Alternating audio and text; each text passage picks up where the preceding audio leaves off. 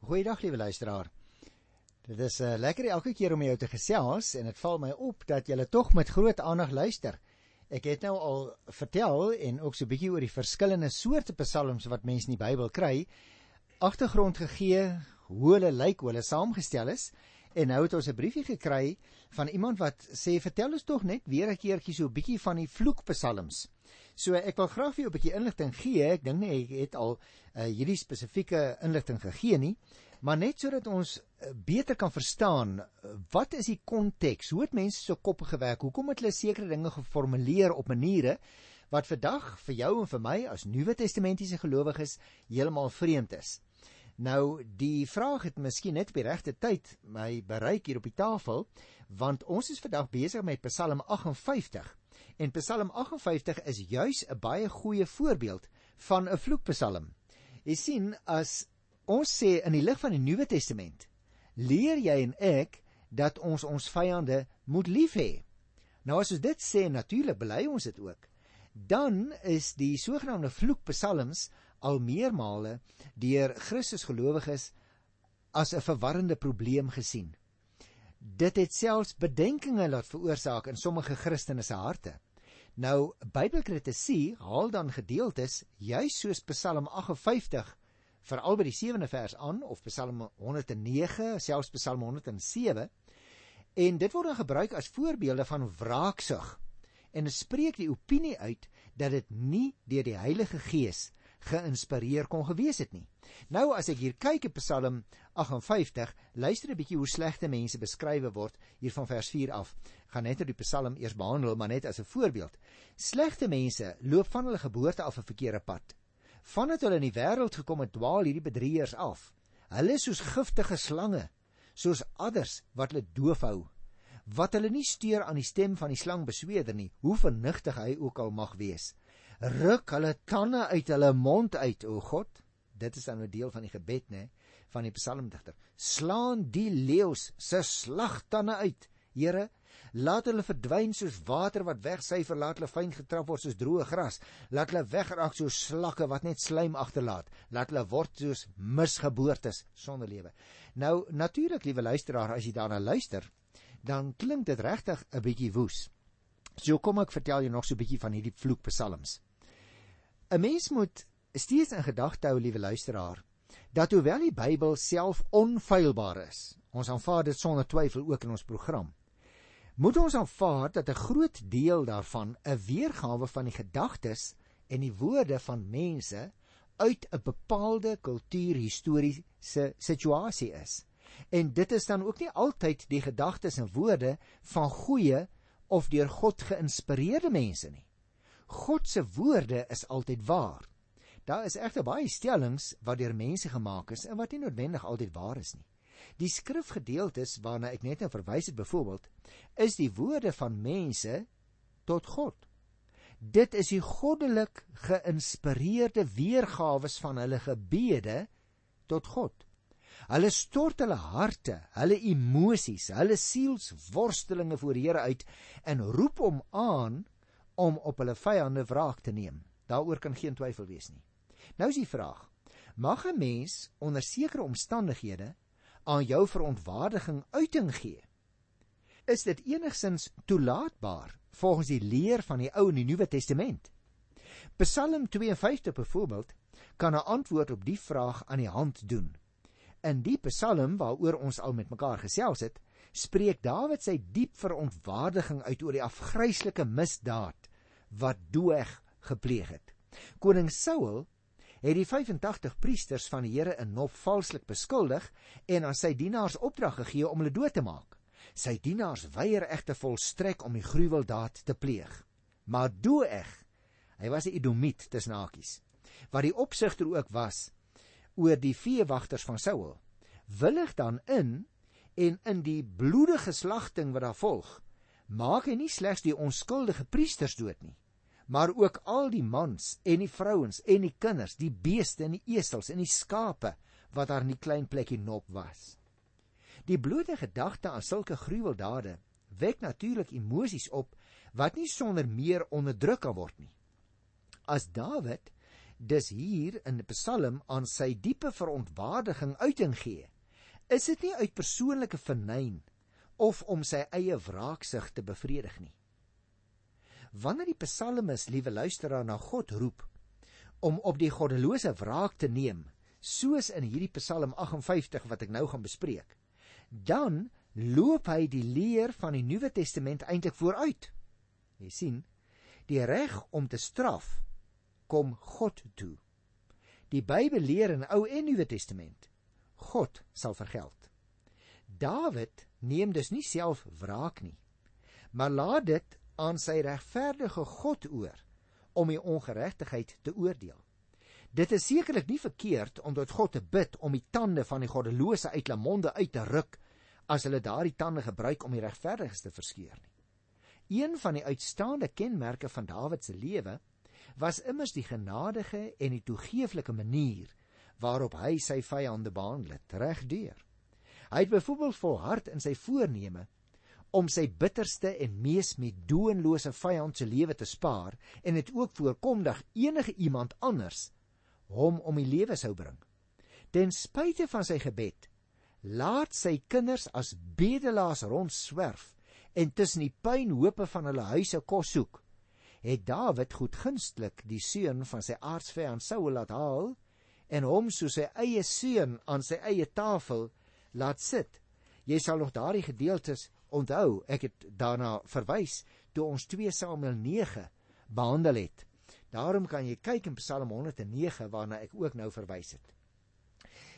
Nou kom ons kyk nou spesifiek na Psalm 58. Want dit is regtig sal mense in gewone Afrikaans sê 'n bietjie 'n wrede of 'n woeste Psalm. Dit is reeds vir mense wat dalk sopas ingeskakel het. Ek het reeds gesê Psalm 58 is 'n vloekpsalm. Want dit is so 'n dringende pleidooi dat geregtigheid moet geskied dat dit met die eerste oogopslag na 'n oproep om wraak lyk. Eintlik is die opbou van Psalm 58 baie eenvoudig. Die digter rig eintlik hom tot die wat oor die mag beskik in vers 2 en 3. Dan beskryf hy hulle in vers 4 tot 6 en ek reeds vir jou gesê in vorige programme, onthou dat ons met psalms te maak het wat dus poesie is. Dit beskryf dikwels dinge in oortreffende trap op 'n baie plastiese manier. Mense word byvoorbeeld in Psalm 58 verwys as slakke. En uh, dit is maar net 'n manier om hulle te beskrywe hoe dat die goddelose eintlik niks werd is in die oog van die Here nie. En dan in vers 7 tot 10 vra die digter die Here om hierdie slegte mense te vernietig. In die laaste verse 11 en 12 toon hulle mag oor die regverdiges.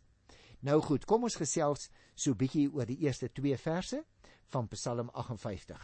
Julle wat mag besit, is julle uitsprake werklik regverdig? Is julle beslissings in die sake tussen mense billik? Nee. Julle optrede in die land is die ene korrupsie. Met geweld gaan julle deur die lewe. Met ander woorde luisteraar, daar's baie verwysings na geregtigheid in die Ou Testament en heelwat psalms wat ook daaroor handel soos hier. Ongelukkig het baie van die rigters en die heersers van die destydse tyd waarin die Bybel ontstaan het, die reg in eie hande geneem. Hulle het absolute gesag gehad as hulle konings was en moes aan geen mens rekenskap gee nie. Daarom het hulle ook die mag gehad om hulle eie wette te maak. Nou is daar natuurlik maar min hoop op geregtigheid op aarde as die regsprekers van die wêreld korrup geword het. Maar God is ook 'n God van geregtigheid en elkeen wat hom liefhet, sal ewige geregtigheid belewe. Gelukkig is dit so, liewe luisteraar, want as die Here nie regverdig was nie, dan sou jy en ek ook nie geweet het wat reg en wat verkeerd is nie, maar meer nog, as die Here nie genadig was nie, dan sou jy en ek ook in 'n oogwink moes verdamp. Dit is is baie duidelik wie dit is wat in hierdie Psalm ter sprake is en wie nie uitsprake mag lewer nie. In hakies die Hebreëse woord vir die wat mag besit, soos hier in vers 2 en 3, kan ook gode beteken. Maar in die lig van die benaming soos wat ons dit hier het, dui die woord op iemand wat gesag het.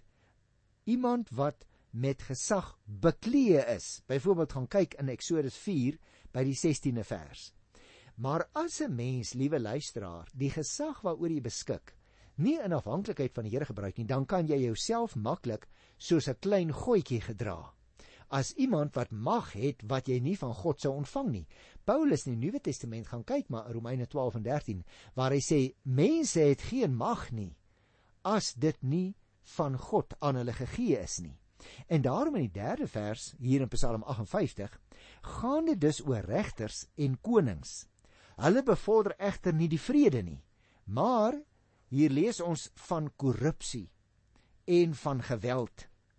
Iets wat dikwels deur die Here veroordeel word in die Bybel. Gaan kyk maar in Psalm 11 vers 5 of Jeremia 22 vers 3 of Esegiel 18 van die tweede vers af of Amos 5 by die 11de vers waar dit duidelik is uit die Ou Testament alreeds dat die Here die misbruik van mag in die sterkste moontlike terme in die Bybel afkeur.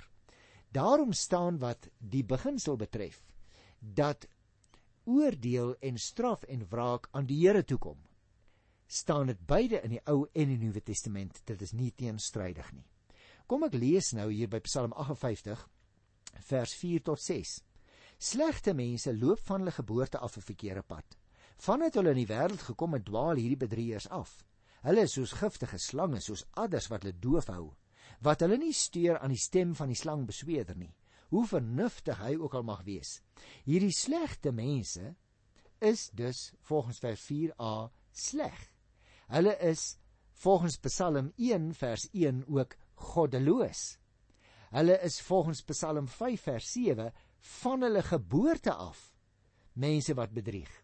Hulle word hier in uh, Psalm 58 vergelyk met giftige slange, dodelike adders Jy kry dieselfde gedagte in Psalm 140 vers 4 waaroor niemand dan beheer het nie staan hier in hierdie verse. Met ander woorde die karaktertrekke van die mense met mag word hier geteken in vers 4 tot by vers 6. En 'n mens word eintlik bang as jy dink dat dit ongelukkig soms in ons tyd ook waar is dat mense so optree.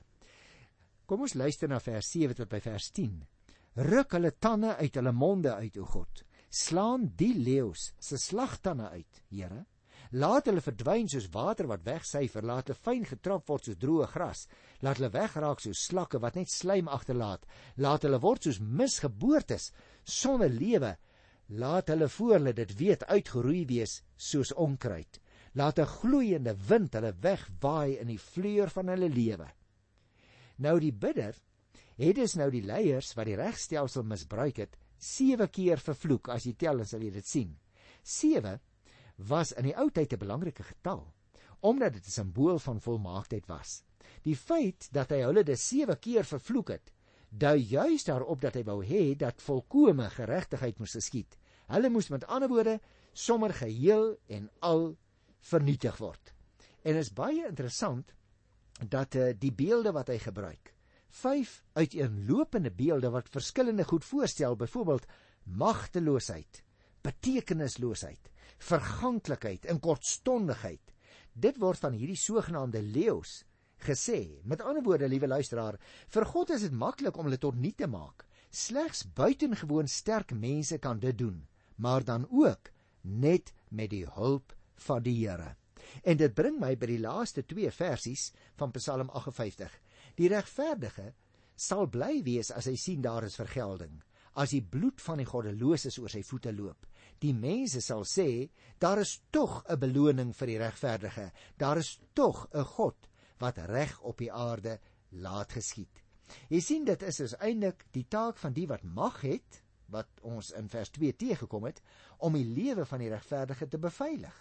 Dit word egter nie gedoen deur die ouens wat op daai stadium die mag in die hande het nie. En daarom is die regverdige dankbaar as hy sien dat God die goddeloses straf. Hulle wou naamlik die vrome se bloed sien vloei, maar nou sê die digter is hy bly as hulle bloed in strome vloei. Dis alleen wanneer die goddelose bestraf word, besef mense God regeer. Gaan kyk gerus in Openbaring 6 by die 10de vers. Met ander woorde, liewe luisteraar, teenoor die goddelose aardse magte en die regters en die konings staan God, die hemelse regter, wat op die aarde reg sal geskied en dit sal finaal plaasvind by die afronding van die geskiedenis. Nou natuurlik ongelukkig is dit so dat daar nasionale leiers is wat nie regverdig is nie, maar hulle is veronderstel om regverdig te wees, want baie mense ly daaronder as hulle nie is nie. Die rykes word net al hoe ryker en die armes al armer. Die politici palm al die mag in, die volkslewe gaan agteruit, God is vergete. Maar wanneer geregtigheid uiteindelik seëvier, sal die regverdiges bly wees, soos ons ook hier lees in Psalm 58 vers 11. Liewe luisteraar, jy en ek kan dus verseker weet dat daar so 'n dag kom en dat God regverdig sal oordeel. Daarom moet ons ook versigtig wees dat ons nie dalk vir die onreg kant kies nie, want dan mag jy en ek dalk ook die toren van die hemelse regter ervaar op die groot dag van die Here. Psalm 59 het nou weer 'n heeltemal 'n ander atmosfeer. Die opskrif daarvan is God is my veilige vesting. Interessant dat teenoor die vloek Psalm 58 hier nou 'n stukkie belydenis na vore kom in Psalm 59. As jy dit mooi gaan lees, dan sal jy sien die tema handel eintlik min of meer oor die feit dat God 'n veilige vesting is in jou en in my nood. Die doel van God se ingrype in die geskiedenis word nou hier bevestig in Psalm 59. Almal weet naamlik God regeer nie net oor Israel en 'n Nuwe Testament oor sy kerk nie, maar hy regeer oor die hele aarde. Nou Psalm 59 herinner ons aan nog 'n insident uit Dawid se lewe. Kom ek lees die eerste versie dan sien jy dit dadelik raak sien. Vir die koorleier op die wysie van moet dit nie verwoes nie van Dawid, 'n gedig na aanleiding daarvan dat hulle in opdrag van Saul Dawid se huis omsingel het om hom dood te maak. Nou, liewe luisteraar, die gebeurtenis wat hier vermeld word, kan jy kry in 1 Samuel 19 vers 11 wat vertel hoe dat Dawid deur Saul bedreig word want Saul wou vir Dawid doodmaak. En dit omdat die Here vir Dawid gehelp het. Die vrome word dus vervolg omdat hy sy vertroue in die Here stel. Nou ek gaan die psalm so bietjie vinniger behandel as 58 want daar wou ek ook vir jou vertel van die vloekpsalms. Kom ek lees vers 2 tot by vers 8 by psalm 59 red my van my vyande my god. Beskerm my teen my teestanders Red my van die mense wat onreg doen. Bevry my van hierdie moordenaars. Die gewelddenaars lê my voor om my dood te maak. Hulle wil my aanval, maar ek het nie gesondig nie. Ek het nie oortree nie, Here. Ek is onskuldig en tog bestorm hulle my en hulle val my aan. Kom help my tog. Kyk wat doen hulle. U is die Here God, die Almagtige, die God van Israel. Gryp tog in en straf al hierdie vyandige nasies. Moenie genade betoon aan sulke verraaiers nie. Hulle kom altyd in die aand terug. Hulle grom soos honde en hulle loop in die stad rond. Die skuim staan om hulle bekke en hulle wys hulle tande want hulle dink niemand hoor hulle nie. Jy sien hier in vers 2 tot 8 gebruik die Bybel nou verskeidenheid van woorde om die vyande van die digter te beskryf, naamlik woorde soos vyande, teestanders, mense wat onreg doen, moordenaars, gewelddenaars. Hulle wil met ander woorde die onskuldige bidder aanval, sê hy om hom dood te maak. Ons moet oplet, liewe luisteraar. Die gebruik van die verskillende benamings beklemtoon die gevaar, maar die bidder het 'n toevlug aan wie hy op 'n besondere manier verbind is. En daarom praat hy byvoorbeeld in vers 2a van my God. En Dit is die Here se hulp wat hy soek. Die vyand is egter genadeloos. Elke keer kom hulle weer soos kwaai honde. Vers 7, vers 8, vers 15, vers 16 en bedreig die onskuldige vrome. Hulle is dus niks anders nie soos wat beskryf word in vers 6c as laa verraaiers. Maar hulle is volksgenote. Daarom word hulle as verraaiers beskryf En dan teenoor hulle staan God glad nie magteloos nie, hoor. Hy is die Here God, vers 6, wat by sy volk is. Hy is die almagtige aan wie alles ondergeskik is. Met ander woorde, die God van Israel is die een wat vrymag het en almag het in die geskiedenis om ook die loop van oud Israel se lot te kon bepaal. Al dink mense soms die Here het nie beheer oor ons lot in hierdie lewe nie, die Bybel sê hy het.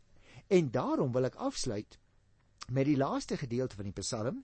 Eers gaan ek net lees vers 9 tot 16, dan bly daar nog twee versies oor. Ek begin lees by vers 9. Maar so teenoor wat hy nou net nou gesê het en die houding wat mense teenoor hom het, staan daar nou teenoor dit van vers 9 af. Maar u, Here, u lag hulle uit. U spot met al die nasies. Ek wil my hoop op u gefestig hou.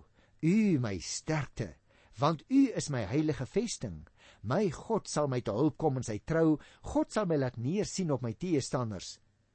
Moet hulle nie nou al doodmaak nie, sodat hulle straf nie ongemerk aan my volk verbygaan nie. Breek hulle stadig af deur u mag en laat hulle ondergaan. Here ons beskermer oor hulle woorde die sonde uit hulle mond. Laat hulle gevang word deur hulle hoogmoed, deur die vervloekings wat hulle uitspreek en die leuns wat hulle praat. Vernietig hulle in u toorn, wis hulle almal uit. Dan sal almal weet dat God oor sy volk Jakob en oor die hele aarde regeer. Hulle kom altyd in die aand terug. Hulle grom soos honde en loop in die stad rond. Hulle dwaal rond agter prooi aan en as hulle nie genoeg kry nie, chunk hulle. Is dit nie 'n mooi beeldryke manier waarop hy sy teenstanders beskryf nie? Nou moet ons onthou by God in die tempel is die bidder natuurlik veilig. Hy sê dit ook in die 10de vers. God is met ander woorde getrou. Daarom is die bidder seker dat God hom sal red en sy vyande sal ombring. Kyk maar weer in die 11de versie. Die uitkoms geskied dan op so 'n manier dat baie mense daarvan getuies sal wees, sê vers 12, sodat ook hulle aan die Here die eer kan bring wat hom toekom. En dan in vers 15 en 16 wat ek laaste gelees het, vind ons die refrein van vers 7 en 8 net met so klein bietjie wysiging, maar dis eintlik dieselfde selfde woorde. Kom ek lees dan ten slotte die twee laaste verse van Psalm 59. Vers 17 en 18. Maar ek sal sing van u mag. Elke môre sal ek jubel oor u trou, want u is vir my 'n veilige vesting, 'n skuilplek in tyd van nood. Tot u eer wil ek sing, u my sterkte, want u is my veilige vesting. U is my troue God. Met ander woorde hier in vers 17 se tweede gedeelte, soos hy sê in die môre, het die ontevrede en onvergenoegde gechunk van die geweldenaars stil geword. Dan hoor 'n mens die uitbundige loflied van die bidder vroeg in die môre ure wat hy sing tot eer van sy troue God, deur wie hy verlos is en deur wie hy beskerm word. En liewe luisteraar, so word die doel van God se ingrype in die historiese verloop van die geskiedenis dus bewerkstellig. Almal weet God regeer. Nie net oor sy kerk, met ander woorde oor Jakob nie, maar hy regeer ook oor die hele aarde, soos vers 14 dit baie duidelik gesê het. Daarom is vers 17 en 18 van Psalm 59 vir my so mooi. Vroeg in die môre laat hoor die bidder dan sy loflied. En so word die doel van God se ingrype in die geskiedenis bevestig. Almal weet God regeer. Nie net oor die gelowiges nie, maar soos ons kan sien in vers 14, hy regeer oor die hele hele aarde elke oomblik van elke dag. Dan sal almal weet dat God oor sy volk Jakob en oor die hele aarde regeer. En dit is natuurlik vandag nog net so waar. Daarom geld die Bybel vir vandag nog net soos in die voortyd. Ek groet julle in die wonderlike naam van Jesus Christus, die opgestane Here. Tot volgende keer. Totsiens.